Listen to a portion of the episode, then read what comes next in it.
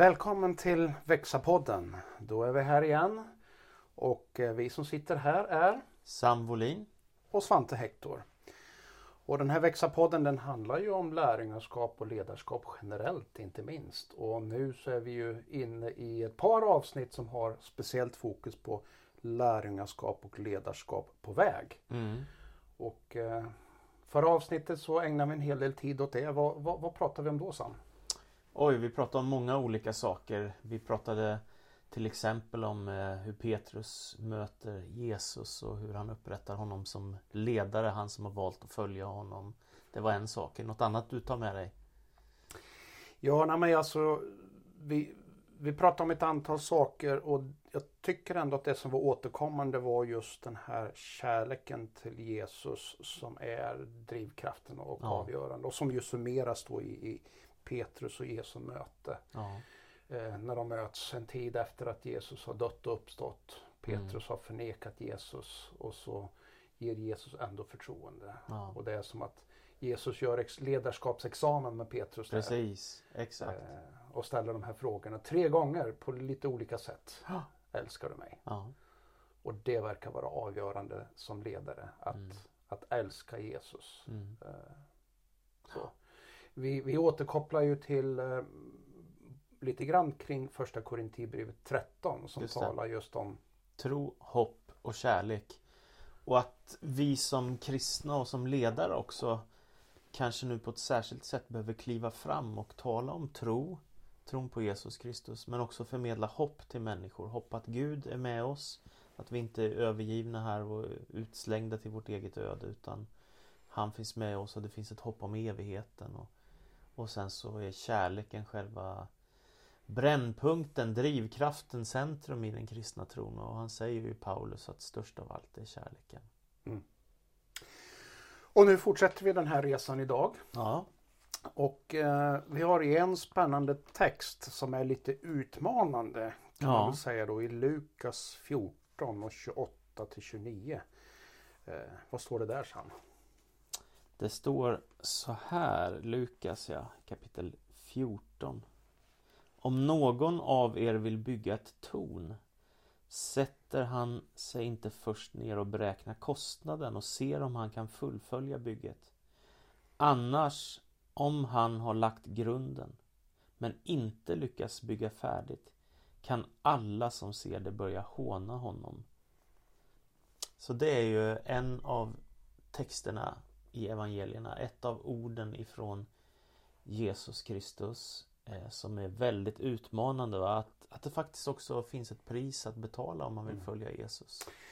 Och häromdagen när vi hade samtal med ett antal ledare här i ett sammanhang då, då delar vi också den här, liksom vi gjorde i förra poddavsnittet där och just Jesu kallelse Följ mig. Ja, Och man kan säga att det är en utav kanske två eller tre viktiga tankar som man behöver hålla i huvudet samtidigt. precis. Å ena sidan sett så ställer Jesus inga kvalifikationer, kvalifikationer när man börjar att följa Jesus som en lärjunge. Nej, Utan då är, det, då är det efterföljelsen, alltså att beredskapen att våga och vilja och ha modet att följa.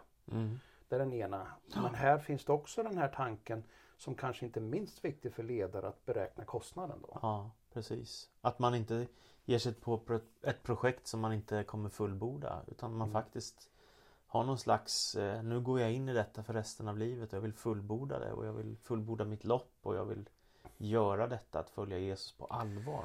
Men, men Sam, där tänker jag som så här då. Det finns ju eh, det, det finns ju lite olika tyngdpunkt och en del talar ju om väldigt mycket tro. Ja, Och där kan man, kan man ju lätt liksom lockas att tänka så här att nej, men nu har jag fått tro för någonting som verkar omöjligt. Och Bibeln talar ju även om att bara ni har tro som ett senapskort så kan ni förflytta berg. ja. Hur tänker du där?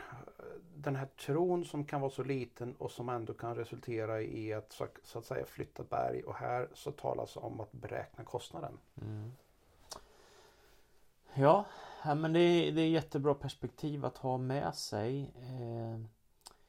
Jag tänker väl, vi var ju inne på det förut, det är ju inte att, att bli kristen handlar ju att börja en resa tillsammans med Gud och att lära känna Gud och lära känna Jesus Kristus och förstå att han står för något som är så mycket större Jesus enligt Nya Testamentet är ju gudomlig, Guds egen son och har uppenbarat Gud för oss i världen. Mm. Det betyder ju för en, en vanlig människa eller vanliga människor som dig och mig Svante att helt plötsligt så öppnas en dimension som kopplar till tron som blir mycket, mycket större än vad jag kan åstadkomma med mitt eget liv. Och det är ju jättefascinerande alltså att tron kan vara liten som ett senapskorn och ändå efter ett tag blir det liksom en stor, ett stort träd av det där. Det blir stora konsekvenser av det. Och det har vi faktiskt sett i världen hur många människor som öppnar sig för Jesus över hela världen. Eh, så det är ju ena sidan och att man kan be om att Gud faktiskt ska hjälpa i särskilt i sådana här tider som med coronavirus och så för beskydda oss, hjälpa oss och så. Eh, att man får ha tro. Men den andra sidan är ju beräkna kostnaden. Då är det klart att det är ett pris också att följa Jesus. Eh, det är klart att det kommer påverka hela, min, hela mitt liv, min livsstil, min etik, mina livsval, mina prioriteringar, min ekonomi, mitt sätt att vara, mitt sätt att leva. Att prioritera församling, att prioritera gemenskap, bön, bibel. Alltså det, och man kan bli förföljd för sin kristna tro som en del blir. Kanske mm. framförallt i andra länder men, men, mm. men det är ju, en del får betala väldigt högt pris. Eh, om man återkopplar till de första kristna och Jesus fråga till Petrus om du älskar mig Petrus. Och flera av de första kristna fick ju bli martyrer för sin tro. Så det är, ju, mm. det är både en sån stor dörr som öppnar sig genom tron men det är också ett pris att betala för den dörren. Och sen Vi hade en tredje tanke Svante mm. Att det finns en lön för att följa Jesus också. Hur mm. tänker du då? Ja, men det är ju fantastiskt. Jag, jag, tycker att i den här tiden som nu så blir det än viktigare att, att inte bara se sig själv i den just nu situationen som är utan Nej. att se sig själv och livet i, som en del i den större berättelsen. Ja. Eh, och jag hörde någon som har uttryckt som så här att, att med om du, om du kan sätta ditt liv och ditt sammanhang i en större berättelse då kan du orka med väldigt, väldigt mycket. Just det. Eh, så alltså, det, om man tänker följden, det är ganska många människor som inte har någon berättelse helt enkelt? Alltså jag tänker att om man lever sitt liv där man är sig själv nog. Ja. Då är man ju inte riktigt del utav en större berättelse. Nej. Det är klart att man är del utav ett samhälle utav andra men om man pratar om livsmening och livssyfte. Ja. Eh, om, om man, man, är sig själv nog, man är sitt eget centrum eh, på något vis ja, men då blir det ju jättejobbigt när sitt eget centrum hamnar i en livskris och blir isolerad som många kan bli just nu. Men om man är och ser sig själv som del utav den stora berättelsen och, och, och i Bibelns perspektiv Guds stora berättelse. Ja. Ja, men då ger det perspektiv som gör att här och nu så kan jag härda ut någonting. För jag vet att, att jag är del av en större berättelse. Och det här är inte slutet. Slutet Nej. är väldigt gott. Alltså det som Bibeln berättar om det är ju det är ju den fantastiskt stora skaran som bara kommer och, och finns inför Gud och jublar och, och med glädje och, och, frid och harmoni. Och första Korinthierbrevet 15 eh, exempelvis talar om eh, en evighet där det inte finns någon sorg eller någon smärta eller några tårar eller någonting. Mm, mm. Uh, Uppenbarelseboken talar om samma sak. Ja, just det. I 21 kapitlet där. Ja. Ja men det är sant. Så om man tänker det är tre tankar som vi har tänkt här utifrån den här texten lite om att faktiskt det har ett pris att följa Jesus. Att det, att det är en inbjudan att följa honom och de här orden Följ mig kommer. Och då tänker vem är det jag följer? Jo det är ju han som har påverkat världen mer än någon annan i historien och som har ett kärleksbudskap i centrum och frälsningsbudskap. Och det kan vara ett pris att betala då att följa Jesus men det finns också en lön. Mm. Både att Gud är med oss varje dag, det har han lovat, men också det finns ett evighetsperspektiv som du var inne på nu om, mm. om himlen. Och jag tänker också, för mig blir det lite starkt också om vi gör en liten utvikning på grund av vad vi är nu Svante med Corona. Vad tänker du, vad, vad gör det liksom att ha en tro på Gud då som du frågade mig om? Att följa Jesus och att beräkna kostnaden och ha ett hopp om evigheten också. Vad gör det för skillnad i ditt liv i en sån här situation? Ja, men jag tänker ju att jag kopplar till det som jag nyss sa om den större berättelsen. Jag är ju här och nu men jag är del av en mycket, mycket större berättelse. Mm. Och det gör att, att eh, jag har ju själv varit, varit, varit nära döden. Jag har nämnt om det i någon av poddarna tror jag, berättat i lite olika sammanhang.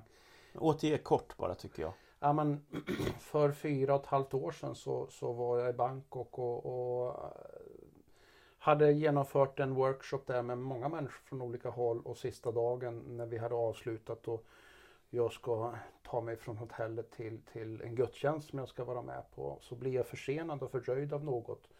Eh, så när jag väl kommer iväg så har jag lite bråttom och så på vägen går jag förbi den här byggarbetsplatsen som jag har gått förbi varje dag. Och när jag precis nästan framme så ser jag hur någonting brister upp i en hög kran. Som är vänd åt fel håll. Och eh, där och då så ramlar det ner en stor last betong mitt i gatan precis framför mig. Mm. Och jag inser några steg framåt så hade jag fått den här över mig och det hade varit slutet av mitt liv. Mm. Hur långt ifrån dig landade den? Ja, det var inte långt. Det var inte långt alltså. Pratar vi om meter eller? Ja, några meter. Så jag, jag liksom förstod ju där att jag hade blivit försenad och kanske var det min räddning. Ja. Och jag upplevde att eh, här och nu kunde mitt jordeliv ha varit slut. Mm. Och det fick mig att, att liksom komma nära. Okej, nu kunde jag ha varit in i evigheten. Men jag fick en ny tid av nåd. Ja. Det där har gjort, jag ska inte säga mig dumdristig, men det har gjort att jag inte är rädd för, för att det här livet kan ta slut. Nej. Alltså jag, jag kände frid inför att, att, att jag hade inga problem med vart jag var på väg, vart Mm. jag skulle. Mm. Sen kände jag mig inte redo att lämna vare sig familj och barn och barnbarn. Och, och, och jag började fundera, Gud vad är det du har kvar åt mig att göra? Ja. Varför har du gett mig den här nådatiden? Ja. Eh, och där och då så, så, så insåg jag att jag är nog beredd att betala ett rätt högt pris eller också ta risker.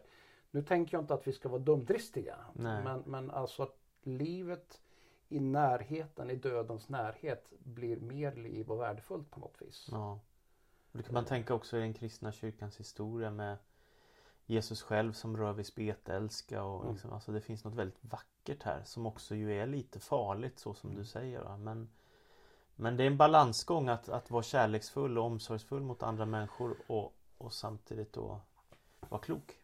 Ja, jag tänker så här, vi ska vara kloka, vi ska lyssna på råden som kommer ifrån experter. Vi ska inte lyssna på, på, på all desinformation som kommer. Vi ska Nej. lyssna på de råden. Men vi ska samtidigt inte gripas av rädsla. Nej. Utan vi ska våga som, som ledare och som kyrka ska vi våga kliva fram. Ja. För vi har något viktigt att bidra med. Och ibland så kan det betyda att vi behöver, behöver överväga att ta vissa risker. Eh, vi kan aldrig leva ett riskfritt liv. Eh, för då kanske vi förlorar livet. Nej. Och nu är det så uppenbart den här tiden också att vi har inte kontroll. Mm.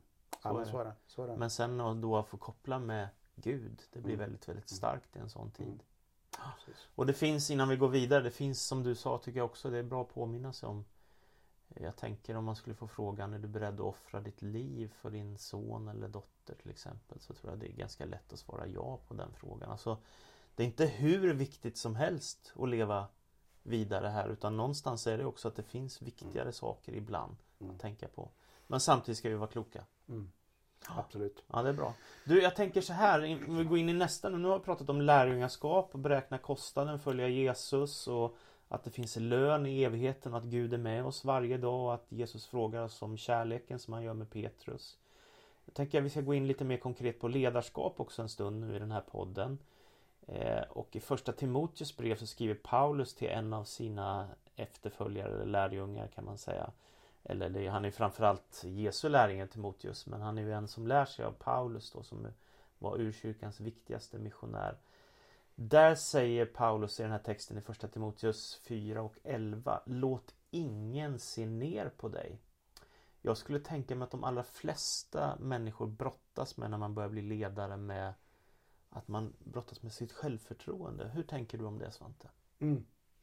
Ja, men det är en så viktig aspekt. Alltså, jag tror inte jag har mött någon ledare när man har suttit i, i liksom nära eh, samtal utan att, att det kommer fram.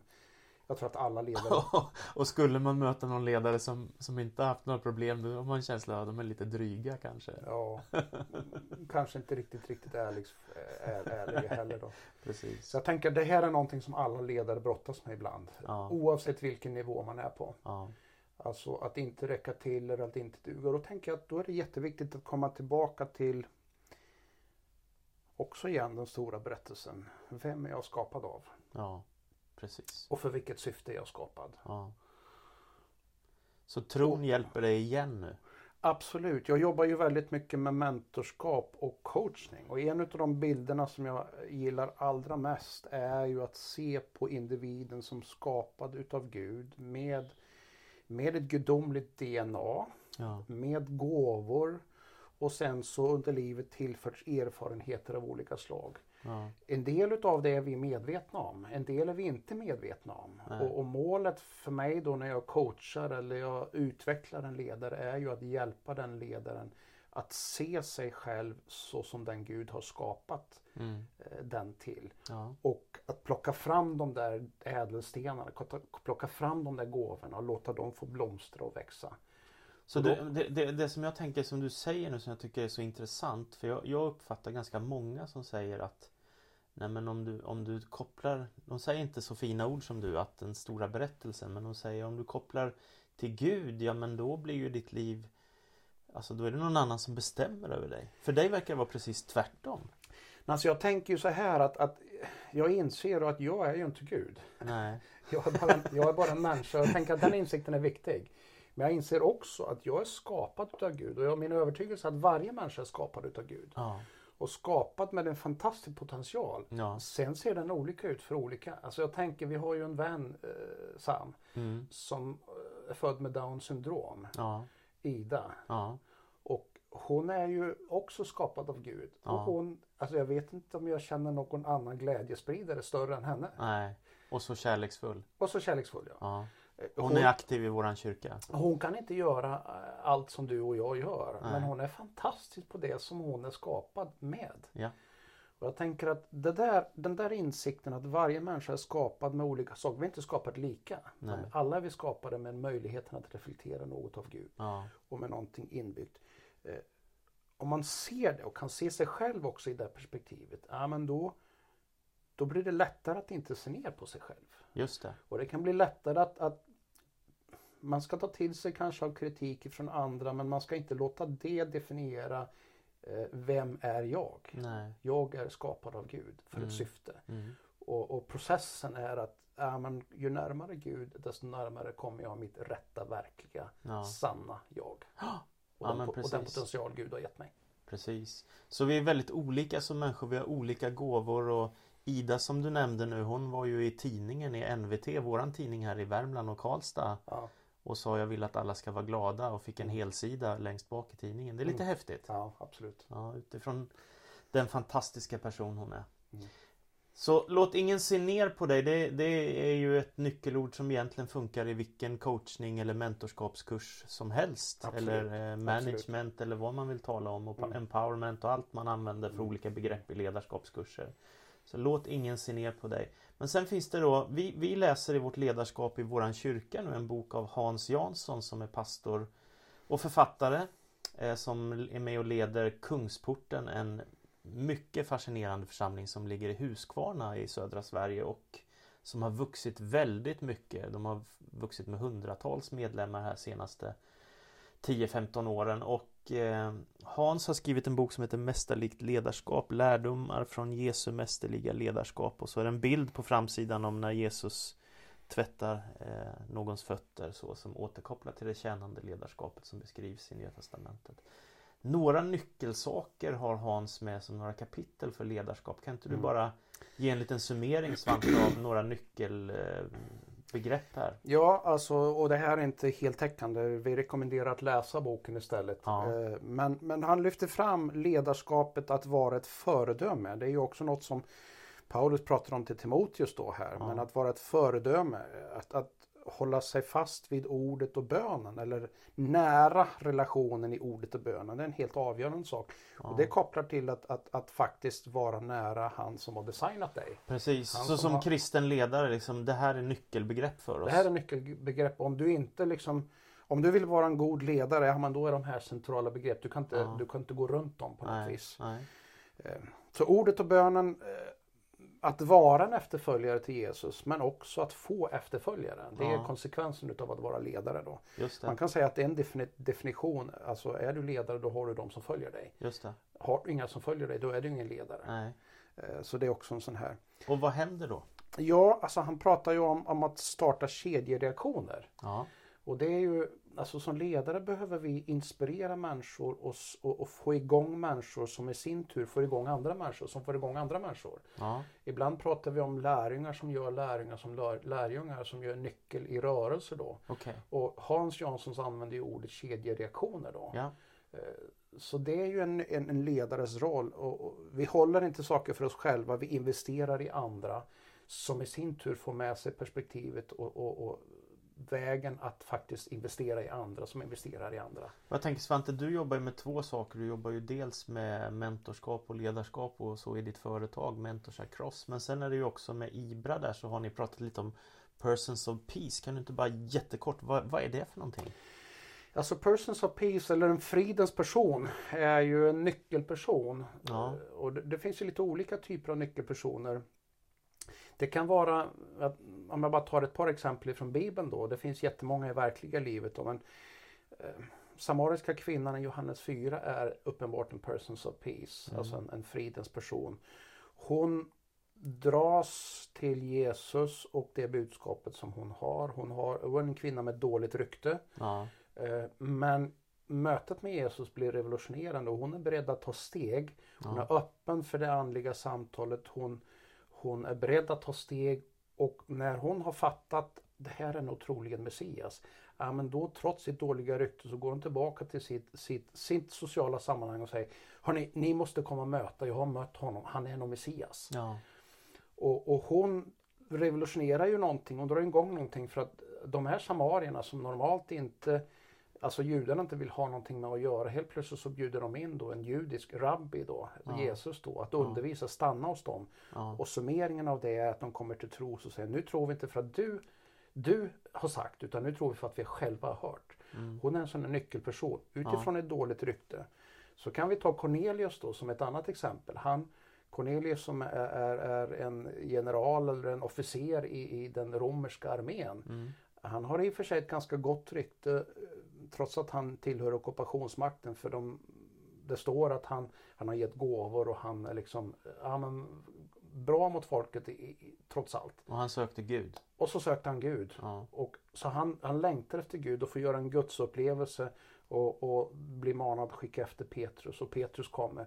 Vad har han då gjort? Jo, han har bjudit in alla sina vänner, han har bjudit in sin familj och så är de redo att lyssna på vad Petrus har att säga. Mm. Alltså, så återigen, en sån här fridens person är en sån här nyckelperson Ja. som är sökt av Gud, som är öppen för andliga samtal, eh, som är beredd att ta steg Ja. eh, i tro eller efterföljelse eller lydnad.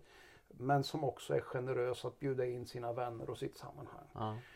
De här nyckelpersonerna, de jobbar vi systematiskt för att lägga mest tid med dem, hitta dem och så springa med dem. Och då får man den här kedjereaktionen att det det, blir det är kedjereaktion. inte en person som bara tar emot budskapet utan helt plötsligt så drar det igång massa andra. Och jag tänker att som ledare det här är en nyckel också för att om jag kan lägga 80% av min tid med personer som är sådana nyckelpersoner, sådana Ja. som springer, Ja. så får det jättestor effekt Häftigt. i flera led framåt. Häftigt. Och jag ser följden också i Hans bok här. Han tar vi bara hoppar lite här. Vision talar han om och initiativ. Kan du säga något om hur du tänker att det hör ihop? Ja, men som ledare tänker jag att vi behöver se ett steg längre. Ja. Och om vi tar den här tiden som är nu med Corona nu så nu är ju väldigt mycket utanför boxen. Det ställs, alltså, vi kan inte göra som vi alltid brukar göra. Nej, vi får jobba på nya sätt. Vi måste göra på nya sätt och då tänker jag som ledare, alltså, när vi ska ta initiativ och ta ledarskap så behöver vi se lite längre. Ja. Hur ser vi längre? Jo, när vi har haft med ordet och bönen att göra, när vi har haft alltså med, med Gud att göra Ja. Men samtidigt haft öppna ögon och öron för vad som händer i samhället och människors behov och sådär. Ja. Då kan vi se lite längre. Då behöver vi ha en vision. Ja men kyrkan är inte, ta exemplet, kyrkan är inte byggnaden. Nej. Kyrkan är gemenskapen utav de troende som är ute och betjänar människor. Ja. Eh, kring, kring ordet och bönen, kring gemenskapen, omsorgen, kring brödsbrytelse. Ja. Eh, ja, allt det som exempelvis Apostlagärningarna 2 talar om. Då. Och nu kan det vara konkreta saker som att hjälpa äldre människor med att handla mat till exempel. Absolut, absolut. Ringa telefonsamtal, Ja. uppmuntra eh, och så vidare. Och istället för att göra gudstjänst i kyrkan så, så kan man göra det på nätet och dela det, göra det tillgängligt på det sättet. Mm. Petrus ger ju en bild också i första Petrus brev kapitel 5, vers 1-4. Han som själv har mött Jesus i den här frågan om Älskar du mig Petrus? Så att det är liksom grunden för kristet ledarskap. Han säger också Var inte herrar över människorna utan var herdar för jorden. Han använder som en bild av herdeskap och får. Vad tänker du om det Svante? Varför är det viktigt? Ja, jag så tänker det har att göra med varför leder jag? Ja. Och där är det ju viktigt att gå tillbaka till vad, det, vad har jag för drivkrafter? Ja. Alltså ibland kan vi luras av och vi kan förledas utav vårat ego. ja.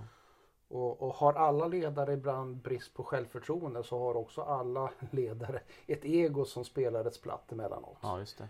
Eh, men vi leder ju inte, vi är inte ledare för att vi själva ska behålla en position. Nej. Vi är ledare för att vi, vill, vi ska leda och hjälpa människor. Mm. Och Inte härska och härja med människor utan vara alltså den, bilden, den bilden som Jesus är, han, det är ju herdeskapet Ja. som handlar om att se till att ge, ge både säkerhet och trygghet, ge, ge vatten, ge, ge, ge mat. Mm. Eh, ja, men för jordens bästa. Ja. Och det är väl det som är perspektivet. Vi leder inte för att härska, för att bestämma och diktera, för att skapa vår egen plattform eller vårt eget rike. Nej. Vi leder för att föra människor vidare in i det som gynnar Guds rike. Ja. Eh, Så en god ledare det är en kärleksfull person. Ja men absolut. Och fokus är ju vad är det bästa för dem jag leder? Just det. Och inte bara det egna. Och inte, ja, kanske inte alls det egna. Nej. Sen klar, klart att man ska inte vara, vara, vara dum mot sig själv heller. Nej.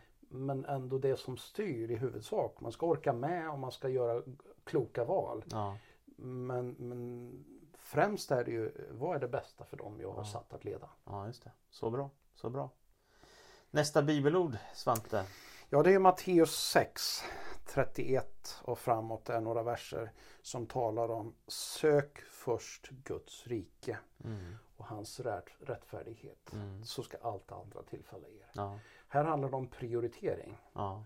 som är så viktigt för en, en ledare, Ja. en efterföljare till Jesus. Sök först Guds rike och allt det andra. Eh, jag tänker att det här får ju ganska dramatiska konsekvenser. Mm. Eh, om, om man verkligen tar det här på allvar. Ja. Eh, jag vet du återkommit så här många gånger i, i några livsval som du har fått. Det här, att söka Guds rike har fått reella konsekvenser för dig i ditt liv. Verkligen, verkligen. Nej men absolut. Och jag tror vi gör, som kristna gör vi ett stort misstag också om vi gör motsatsen, det vill säga söker allt det andra först. Liksom fixa på vårt hus, på våra bilar, på våra semestrar eller lägenheter eller ägodelar. Om, om det blir det största fokuset och Jesus blir en, en, liksom en fritidssysselsättning, jag kan ha lite bonus när jag får tid över. Då blir det kristna livet väldigt, väldigt svagt. Så jag, menar, jag tänker det är motsatsen. Att först söka Guds rike. Och du var ju inne på livet och döden. För mig var det också mycket så som, som ung människa att, att eh, i mötet med när min pappa dog till exempel. Så fick det väldigt dramatiska konsekvenser för mig. För jag insåg att ja, men jag behöver inte bara en psykolog eller en läkare eller en vän. Jag behöver Gud. Mm. Och det fick jättestora, det förändrade mitt liv kan man säga. Ja du Sam, nu, nu, är Nu måste ju, vi gå mot slutet. nu är vår tid nästan ute här för, Ja. för den här gången. Så att vi får runda Men det är bara poddens tid som är ute, eller hur? Ja, eller, inte vår, inte, det är sant. Inte vår tid.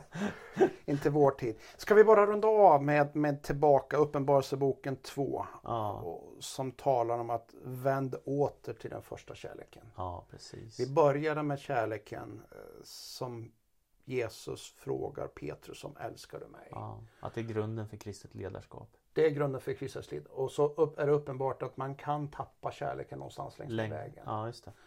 Men uppmaningen i Uppenbarelseboken 2 är nej, men åter till första kärleken. Ja, Du har ingen annan väg. Du måste tillbaka dit. ja. För att annars funkar det inte hela vägen. Så om kärleken inte definierar ens liv så blir det inget vidare. Nej, nej. Nej, Så det är väl det vi kan skicka med som slutkläm i, i den här podden. absolut. Och eh, vi kommer ju fortsätta med fler poddar. Mm. Och vi bjuder in er alla som, som har lyssnat nu att eh, tycka till. Eh, att dela eh, med andra det ni har hört och reflekterat över här. ni får hemskt gärna höra av er till oss och våra kontakter finns på karlstad.pings.se Hemsidan, ja. Sam Wolin. Svante Hector.